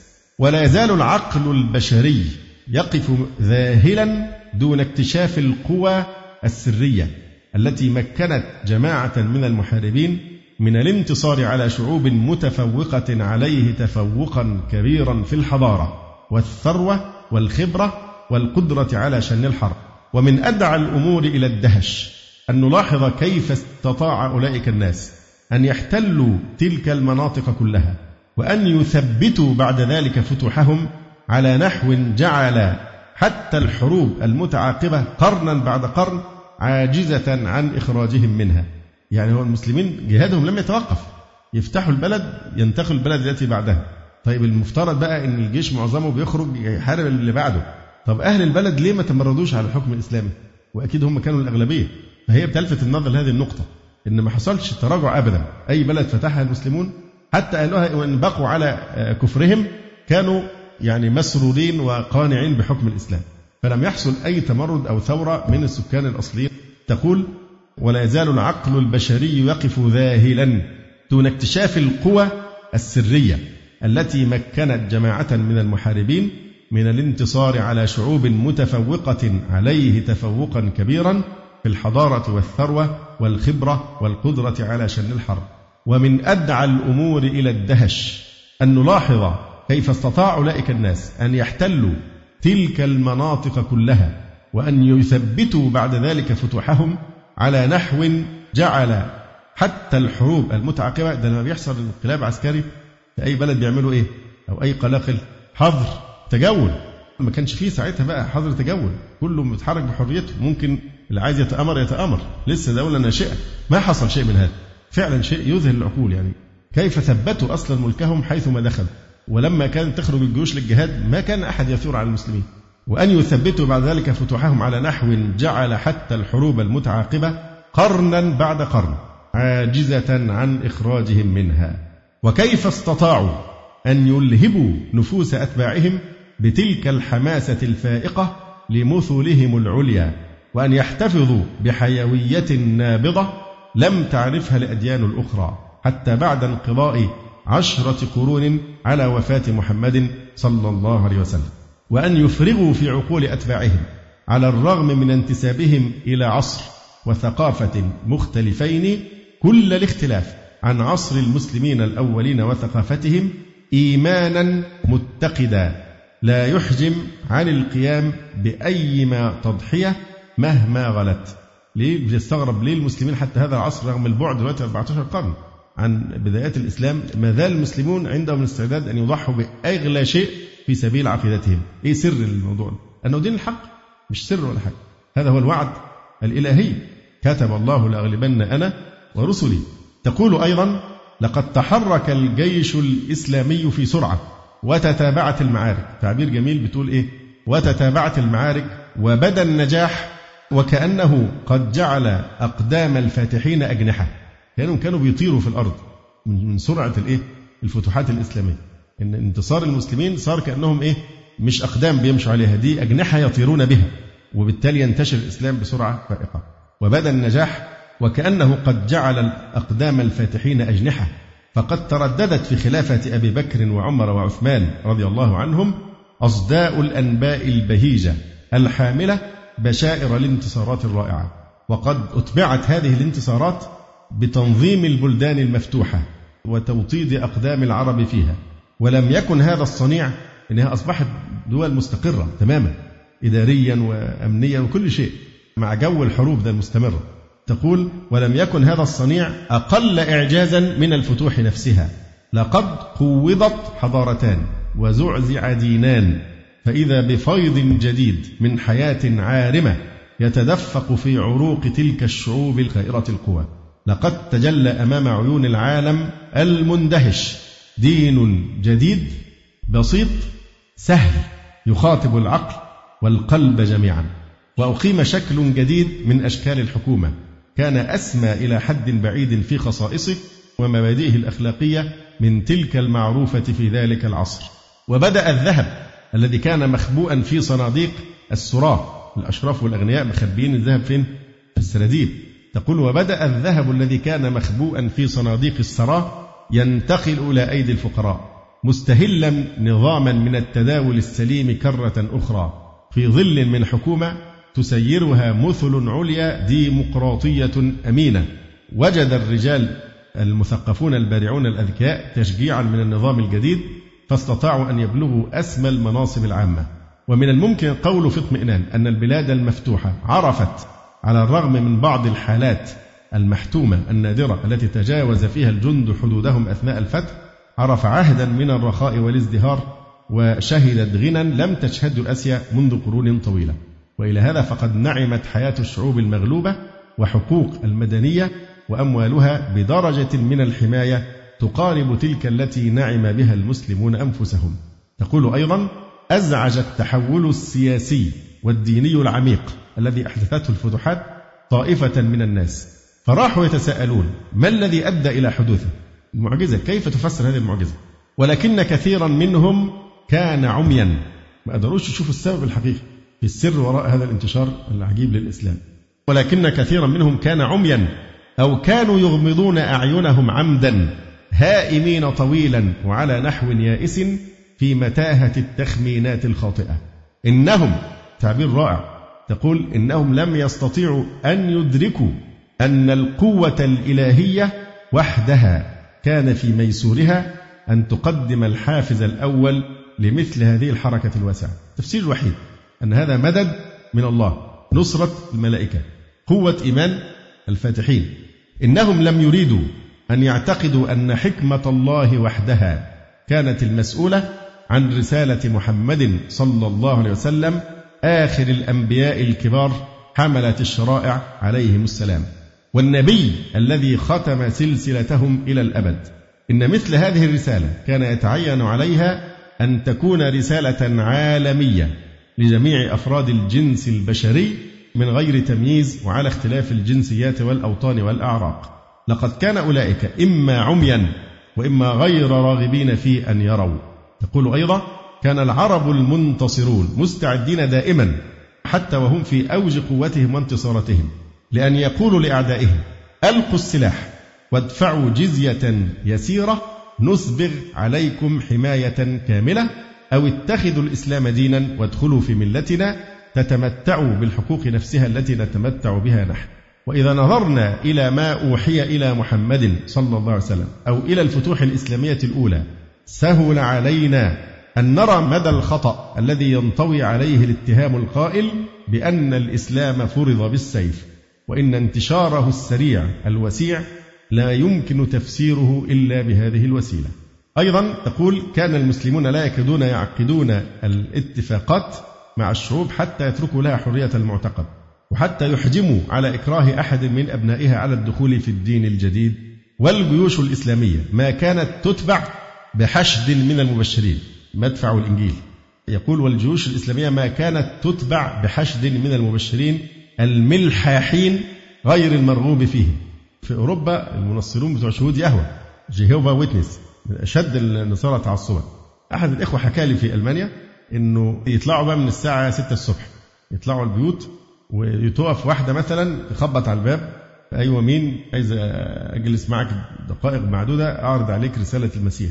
فيقول لها لا أنا مش محتاج أسمع. في يعني يقفل الباب في وشها بقوة.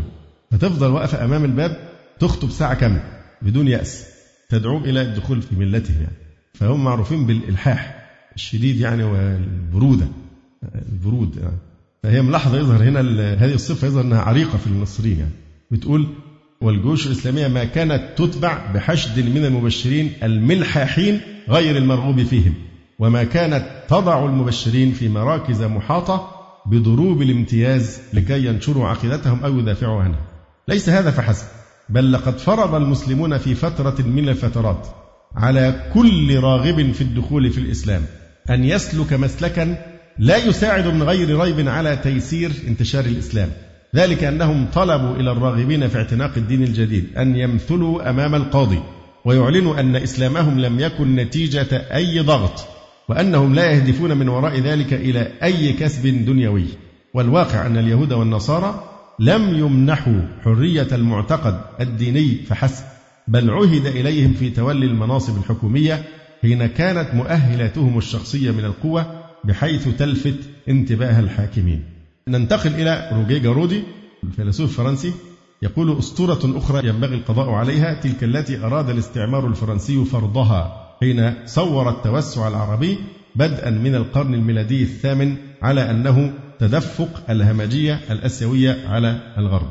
يقول أيضا حدثني مبشر في الكاميرون وهو يائس فقال إن بعثاتنا تقدم المسيحية على نحو كما لو أن الله لم يظهر في صورة إنسان وإنما ظهر في صورة غربي. فكيف ندهش أمام تقدم الإسلام المذهل في أفريقيا السوداء في عصر الاستقلال إعرابا عن رفض المستعمر؟ إشارة برضو للتمييز العنصري.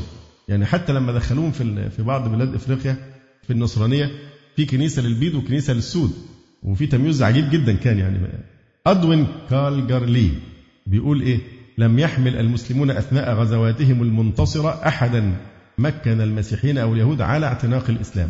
وكل ما طالبهم به أن يسلموا للدين الجديد بالسيادة المدنية والسياسية التي تمثلت في الدولة الإسلامية. يقول أيضا أدوين كالجارلي في القرآن آية كريمة تفيض بالصدق والحكمة يعرفها المسلمون جميعا ويجب أن يعرفها غيرهم وهي تقول بأن لا إكراه في الدين. كلود كاهن يقول أيضا ويبدو لنا نشوء الإسلام. طبعا لما نستحضر قوله تعالى وعد الله الذين آمنوا منكم وعملوا الصالحات لا يستخلفنهم في الأرض كما استخلف الذين من قبلهم ولا يمكنن لهم دينهم الذي ارتضى لهم ولا يبدلنهم من بعد خوفهم أمنا. المؤهلات يعبدونني لا يشركون بي الذين إن مكناهم في الأرض أقاموا الصلاة وآتوا الزكاة وأمروا بالمعروف ونهوا عن المنكر ولله عاقبة فهي مش سر ولا هي لغز هي فعل إلهي تأييد إلهي لهذا الدين لأنه دين الحق. فدايما تلاحظوا الجماعة الأجانب دول بيتكلموا على أنها فعل معجزة أدهشت عقولهم جميعا. يقول كلود كاهن يبدو لنا نشوء الإسلام مع فتوحاته الخاطفة وكأنها من الأمور الخارقة. ثمة شعب خامل الذكر حتى تلك الفترة من الزمن. استطاع أن يجمع كلمته بدافع عقيدة جديدة. يعني فعلا زي ما قال بعضهم إذا كان المسيح عليه السلام أحيا ميتا أو ميتين فإن محمدا صلى الله عليه وسلم أحيا أمة بكاملها. هذه الأمة الخاملة الجاهلة صارت خير أمة أخرجت للناس بهذه الروح التي نفخها فيهم الإسلام. يقول ثمة شعب خامل الذكر استطاع أن يجمع كلمته بدافع عقيدة جديدة. وما هي إلا سنوات حتى بسط سلطانه على الإمبراطورية الساسانية قاطبة وكذلك على جميع الأقاليم الآسيوية والأفريقية التابعة للدولة البيزنطية باستثناء غربي آسيا الصغرى. ثم لم يلبث أن ضم إليه الجزء الأكبر من أسبانيا بالإضافة إلى جزيرة صقلية واستولى مؤقتا على مواقع أخرى في قارة أوروبا. وهو في الوقت نفسه قد طرق أبواب الهند والصين والحبشة والسودان الغربي وبلاد غاليه ومدينة القسطنطينية فتداعت أمامه أعرق الدول. وخضعت لهذا الدين الجديد جميع الديانات التي استقرت في البلاد المترامية الأطراف من نهر سيحون حتى السنغال. ننتقل إلى إيفيلين كوبولد. يقول إن الإسلام لا يعرض لمعتنق الأديان الأخرى بسوء وهو لا يحملهم على قبول دينه والنزول تحت شرعته. كما أنه لم يحارب الذين لم يعتنقوا دينه ولا عمل على قتلهم وحرقهم وتعذيبهم كما فعل غيره سواه. وآية القرآن الكريم ظاهرة بينة لا إكراه في الدين. طبعا في هنا برضه كلام مهم جدا لجولد سيهر المستشرق المتعصب ومع ذلك يعترف أيضا بفضل الإسلام بكلام شبيه مما يعني ذكرناه. عبد الله كويليام هذا أسلم بيقول إن سرعة انتشار الإسلام في العصر الحديث يرجع إلى عدم الخلط والخبط في أصوله وبنيانه.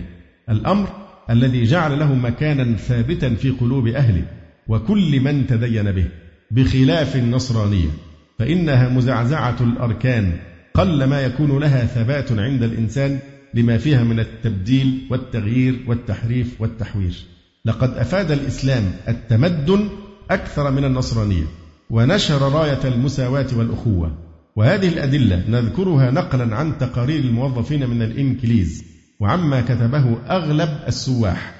عن النتائج الحسنة التي نتجت من الدين الإسلامي. فإنه عندما تتدين به أمة من الأمم السودانية الأفريقية تختفي من بينها في الحال عبادة الأوثان واتباع الشياطين والشرك وتحرم أكل لحم الإنسان وقتل الرجال ووأد الأطفال وتضرب عن الكهانة ويأخذ أهلها في أسباب الإصلاح وحب الطهارة واجتناب الخبائث والرجس والسعي نحو إحراز المعالي وشرف النفس. ويصبح عندهم قرى الضيف من الواجبات الدينية وشرب الخمر ولعب الميسر محرمة والرقص القبيح ومخالطة النساء دون تمييز منعدمة يحسبون عفة المرأة من الفضائل ويتمسكون بحسن الشمائل. روم لاندو كلام برضه قوي قوي بيقول إيه؟ في عصر كان السلب والنهب هو القاعدة التي يتبعها كل جيش منتصر لدن دخوله مدينة ما يبدو العهد الذي أعطاه خالد بن الوليد رضي الله عنه لأهل دمشق إنسانيا إلى أبعد الحدود ومعتدلا إلى أبعد الحدود. ويبدو جليا في الواقع أن الكتائب العربية اعتبرت نفسها محررة للشعب المضطهد وحاملة رسالة الإسلام إليه في آن معا. يقول أيضا روملاندو وعلى نقيض الإمبراطورية النصرانية التي حاولت أن تفرض المسيحية على جميع رعاياها فرضا اعترف العرب الأقليات الدينية وقبلوا وجودها إلى آخره.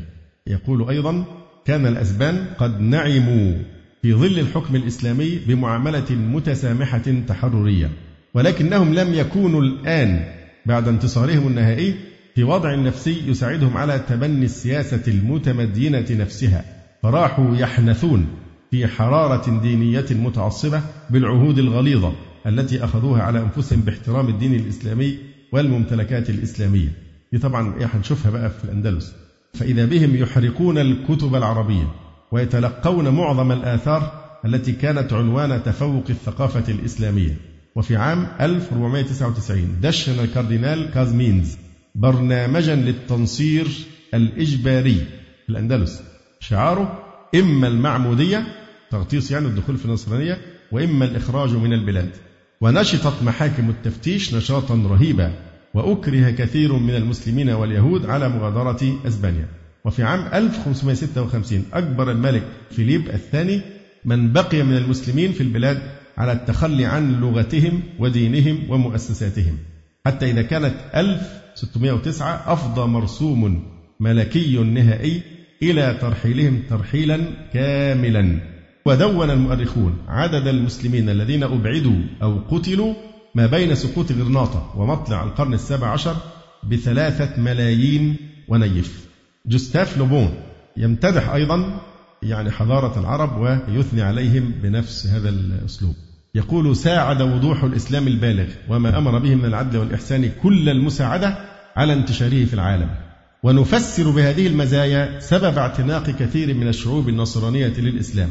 كالمصريين الذين كانوا نصارى أيام حكم قياصرة القسطنطينية فأصبحوا مسلمين حين عرفوا أصول الإسلام. كما نفسر السبب دي لفتة جميلة جدا. هرقل قال له وسألتك أيرتد أحد منهم سخطة لدينه بعد أن يدخل فيه؟ فذكرت ألا وكذلك الإيمان إذا خالطت بشاشته القلوب. فهذا الرجل مشهور جدا طبعا يوستاف لبون بيقول كما نفسر السبب في عدم تنصر أي أمة بعد أن رضيت بالإسلام دينا سواء أكانت هذه الأمة غالبة أم مغلوبة. ما بيحصلش في اتجاه العكس حد يرتد تاني عن إيه؟ الإسلام سواء منتصرا أو مغلوبا. ثم يقول أيضا إن القوة لم تكن عاملا في انتشار القرآن فقد ترك العرب المغلوبين أحرارا في أديانهم. فإذا حدث أن اعتنق بعض الأقوام النصرانية الإسلام واتخذوا العربية لغة لهم فذلك لما رأوا من عدل العرب الغالبين ما لم يروا مثله من سادتهم السابقين. ولما كان عليه الإسلام من السهولة التي لم يعرفوها من قبل. يقول أيضا لو وفق موسى بن نصير في اجتياز أوروبا لجعل أوروبا مسلمة جوستاف لبون بيتحسر على أن المسلمين ما كملوش فتح أوروبا. وأنها لو كانت فتحت كان يكون خير كبير لأوروبا. يقول لو وفق موسى بن نصير في اجتياز أوروبا لجعل أوروبا مسلمة ولحقق للأمم المتمدنة وحدتها الدينية ولأنقذ أوروبا على ما يحتمل من دور القرون الوسطى الذي لم تعرفه أسبانيا بفضل العرب. لذلك أفراخ العلمانيين دلوقتي لما يقولوا على الدعاء والإسلام يقولوا إيه عايزين يرجعونا للقرون الوسطى المظلمة. ده جهل فاحش منه لأن القرون الوسطى دي مظلمة عند أسيادهم في الغرب. يعني كان في أندلس من ضمن الأشياء اللي يكتشفوا بيها الشخص ده بيدعي أنه رجع النصرانية وهو في قلبه مسلم لو عرف عنه أنه يستحم أو لو وجد في بيته حمام يستحم فيه.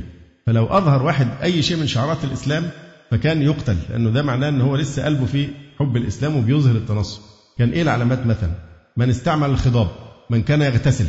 دي من العلامات اللي كان وجد أي أثر يدل على أنه بيصلي صلاة المسلمين. فالقرون الوسطى دي كانت عندهم هم المظلمة. لكن في نفس الوقت كان أكثر أماكن العالم علما وتحضرا هو بلاد الأندلس طبعا. برنارد لويس بيقول أيضا الواقع أن الذي غزا أتراك آسيا الوسطى لم يكن المسلمين بل كان الإسلام ذاته. فقد كان المتصوفون والمبشرون المتجولون ينتقلون بين القبائل التي لم يتم إخضاعها فيما وراء النهر. ينشرون الدين البسيط دين الكفاح الذي ازداد على الحدود بين الإسلام والوثنية. أليس ليختنستادتر بيتكلم عن الحروب وبعدين بيقول ومن الميسور كما يقول مؤرخ توينبي أن يسقط الدعوة التي شاعت بين جوانب العالم المسيحي غلوا في تجسيم أثر الإكراه في الدعوة الإسلامية. يعني آه، في ناس بتبالغ تحاول تصور أن الانتشار ده نتيجة الإكراه. فبتقول إيه؟ أو بيقول. أليس دي أعتقد اسمها ست. أليس. يقول إذ لم يكن التخيير ببلاد الروم والفرس بين الإسلام والسيف. تقول إكراه إيه؟ التخيير كان بين الإسلام ولم يكن بين الإسلام والسيف وإنما كان التخيير بين إيه؟ الإسلام والجزية. وهي الخطة التي استحقت الثناء لاستنارتها حين اتبعت بعد ذلك في البلاد الإنجليزية على عهد الملكة صابات جواهر لال نهرو زعيم الهند المعروف. طبعا هو هندوسي. بيقول إيه؟ طبعا تعرفون أن ابن غاندي دخل في الإسلام وله قصة طويلة مع أبيه ابن مهاتما غاندي فاعتنق الإسلام ولكن قصة جميلة جدا يعني في وصبر على الاضطهاد الذي لحقه في سبيل ذلك. نهرو تلميذ مين؟ غاندي يقول جواهر لال نهرو المدهش حقا أن نلاحظ هذا الشعب العربي الذي ظل منسيا أجيالا عديدة بعيدا عما يجري حوله قد استيقظ فجأة ووثب بنشاط فائق أدهش العالم. وقلبه رأسا على عقب. إن قصة انتشار العرب في آسيا وأوروبا وأفريقيا والحضارة الراقية والمدنية الزاهرة التي قدموها للعالم هي أعجوبة من أعجوبات التاريخ. ده نهرو الهندوسي. بيقول برضو إن أبرز ما يميز هذه الفترة من التاريخ هو الفرق الشاسع بين العرب المسلمين وتعصب النصارى الأوروبيين. يقول أيضا إذا عدت النظافة عيبا في العرب. إن دي من الحاجات اللي كان بيميزوا بها العرب أو المسلمين عن غيرهم إن إيه؟ الاهتمام بالنظافة. والأوروبيين في الوقت ده ما كانوش يعرفوا أصلا عد الاستحمام خالص ما, ما يعرفوش استحمام. وده شيء مسجل يعني في أدبياتهم وإن كانوا ياخدون حاجتين في الشوارع وتحت النوافذ يعني شيء عادي جدا كانوا في غاية الأهمجية فكانت النظافة تدل على أن الشخص ده يبقى عربي إذا كان بيتنظف. فهو هنا جواهر نهرو بيقول إيه؟ إذا عدت النظافة عيبا في العرب فقد أسند إليهم عيب آخر ألا وهو التسامح الديني. ويكاد المرء لا يصدق أن ذلك هي التهمة الرئيسية الموجهة للعرب في كتاب رئيس أساقفة فالنسيا الذي وضعه في 1602 بعنوان إلحاد العرب وخيانتهم وطالب فيه بإقصاء العرب عن أسبانيا وقد قال إن العرب يحبذون جدا حرية الضمير في الشؤون المتعلقة بالدين. شأنهم في ذلك شأن الأتراك والمسلمين الذين تركوا لأتباعهم الحرية الدينية. يقول نهرو ولعمري ما أجمل هذا المدح الذي قصد به ذم مسلمي أسبانيا الذين يمتازون بتسامحهم الديني في الوقت الذي استرسل فيه المسيحيون الأوروبيون في التعصب والغلظة. زيغريد هونكا دي كاتبة ألمانية عجيبة عجيبة الشأن.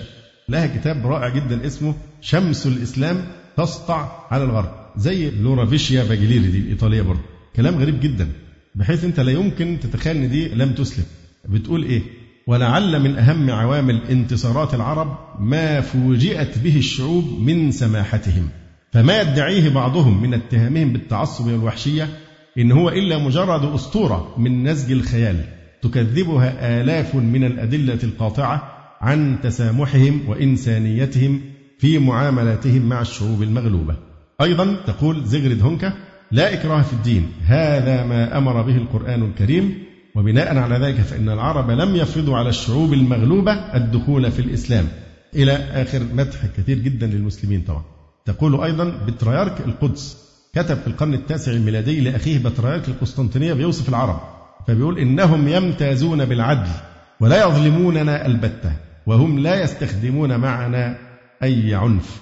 وتقول أيضا زيغرد هونكا واستطاع العربي بإيمانه العميق أن يكون أبلغ سفير وداعية لديانته لا بالتبشير وإيفاد البعثات وإنما بخلقه الكريم وسلوكه الحميد فكسب بذلك لدينه عددا وفيرا. لم تكن أية دعاية مهما بلغ شأنها لتستطيع أن تكسب مثله. أيضا تقول زغرد هونكا أوليس من العجيب أن نتساءل لماذا نفسر كما يحلو لنا؟ والعرب المسلمون قد فتحوا فعلا جزءا من أوروبا هو الأندلس. فلم يقضوا على المسيحية التي يزعمون أن شارل مارتل قد حماها. ولم يقضوا على المدنية الغربية التي لم يكن لها وجود. ولك قضوا على المدنية الغربية. ما كانش في مدنية دي كنتوا متوحشين. ما كانش في أصل المدنية عشان يقضوا عليها. ده هم اللي نوروا الأندلس بالعلم يعني والحضارة. مونتجومري وات يقول لا يعني التأكيد على إخضاع مشركي الجزيرة للإسلام أن الإسلام قد انتشر بحد السيف إلى آخر كلام في نفس هذا المعنى. ويلز بيلفت نظر شيء غريب جدا بيقول وكان المسلمون في كل مكان يخيرون الناس بين أشياء ثلاثة فإما أن تدفع الجزية وإما أن تسلم لله الحق وتنضم إلينا وإما أن تقاتل. ولم يحدث في أي مكان شيء اسمه المقاومة الشعبية. فيش أي شعب من الشعوب الذين خضعوا المسلمين حاول أن أو يقاوم.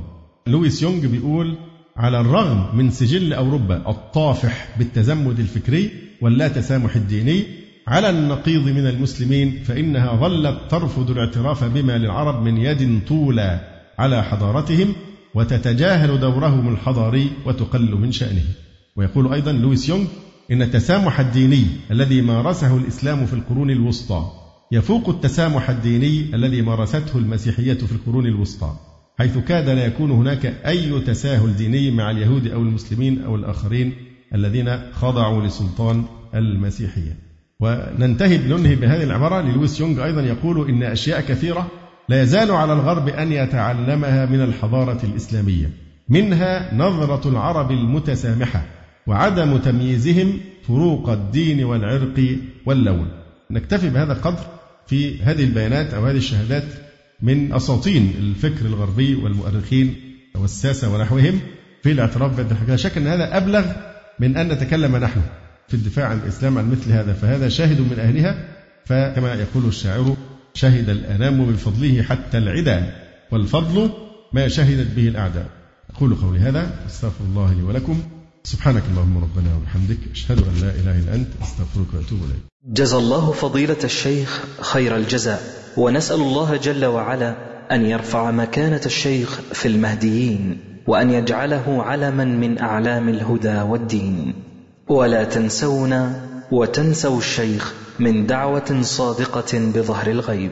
وتقبلوا تحيات إخوانكم في تسجيلات السلف الصالح بالإسكندرية.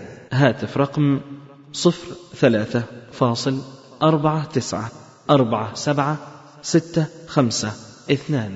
والتليفون محمول صفر عشرة واحد ستة أربعة واحد تسعة ثمانية صفر. والسلام عليكم ورحمة الله وبركاته.